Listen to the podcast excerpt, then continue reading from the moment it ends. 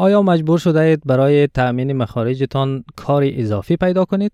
خوب است بدانید که شما تنها نیستید زیرا داده های جدیدی که اداره احصایه استرالیا بیرون دادن نشان می دهند که تعداد بی سابقه از استرالیایی ها مجبورند برای کاهش فشار گرانی فعلی در چندین شغل کار کنند.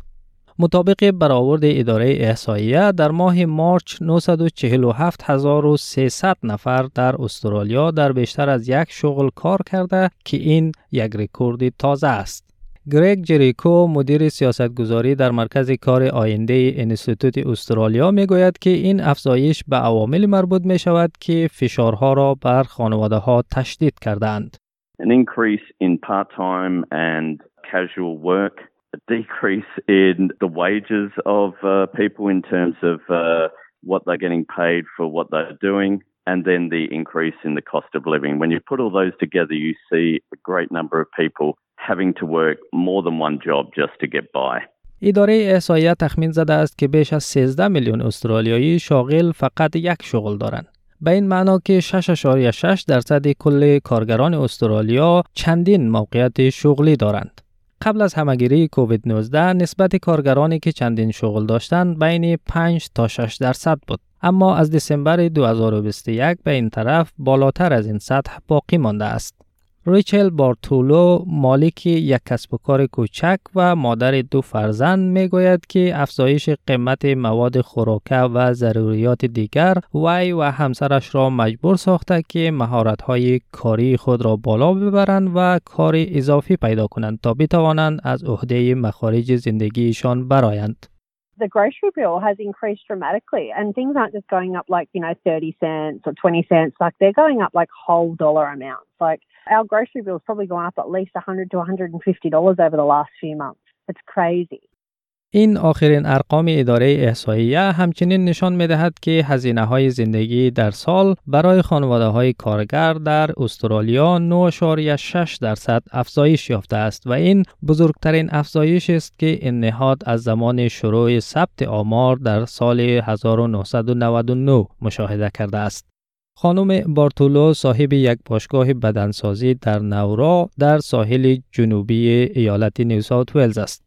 پس از اینکه همگیری کووید 19 ضربه مالی شدید را به این باشگاه بدنسازی وارد کرد تورم اخیر باعث شد که دیگر نتواند ادامه دهد و مجبور شد کسب و کارش را که حاصل زحمات ده ساله اش بود به فروش بگذارد. It devastated me to be honest. I watched my dream die. I watched everything that I'd built die and like I, I'm continuing to watch my dream die while it's you know while it's open and not selling because it's not really a seller's market either. you know, because no one can afford anything. There was a moment there where I was like, where am I going to go from here? Because I've devoted, you know, a decade of my life to my whole identity was fitness, you know, running my gym and, and everything. And it's sort of like, I'm not, I can't do this anymore. خانم بارتولو هنوز به صورت تمام وقت در باشگاه خود کار می کند اما اخیرا دیپلم خدمات اجتماعی خود را به پایان رسانده و وقت خود را بین باشگاه و کار با سازمان های خیریه تقسیم می کند. در عین حال شوهرش که او نیز به طور تمام وقت کار می کند اخیرا مجبور شده برای کسب درآمد اضافی برای خانواده خود به کارهای عجیب و غریبی تن بدهد. در این مورد دو آمار بظاهر متناقض داریم که یکی افزایش قابل توجه فشار مالی بر خانواده ها و دیگری نرخ بسیار پایین بیکاری در سراسر کشور است. آخرین داده های اداره احصایه نشان می دهند که نرخ بیکاری در ماه جولای 3.5 درصد بوده که تفاوت بسیار اندکی با نرخ 3.4 درصدی در ماه اکتبر سال گذشته دارد که به نوبه خود پایین ترین نرخ بیکاری از اواسط دهه 70 میلادی بدین سو بود.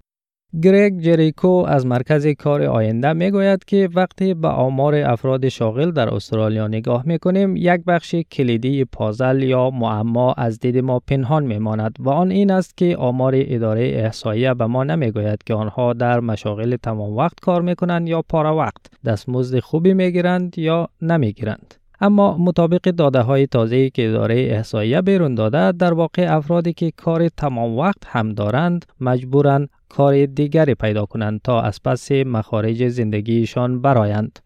It uh, doesn't tell us whether those jobs are part-time, full-time, whether they're good pay or or not well paying. One of the interesting things about uh, this data on multiple jobs that has just come out shows that people who are working full time jobs are also needing to, to find another job to get by. So it's not just a case of people working two part time jobs or three part time jobs. There are people who are working a full time job and having to, to work more hours. خانم بارتولو می گوید که سختترین بخش مشکلات مالی آنها دیدن تاثیر این مشکلات بر دو فرزندش است. It's hard for little brains to understand money and budgeting and my eldest son has a school camp coming up and it's you know a couple of hundred dollars for two days and he was saying I won't go because I know you and dad are worried about money and I don't want my 10 year old to feel like that. Like he shouldn't be feeling like he has to sacrifice something so we can get by for another week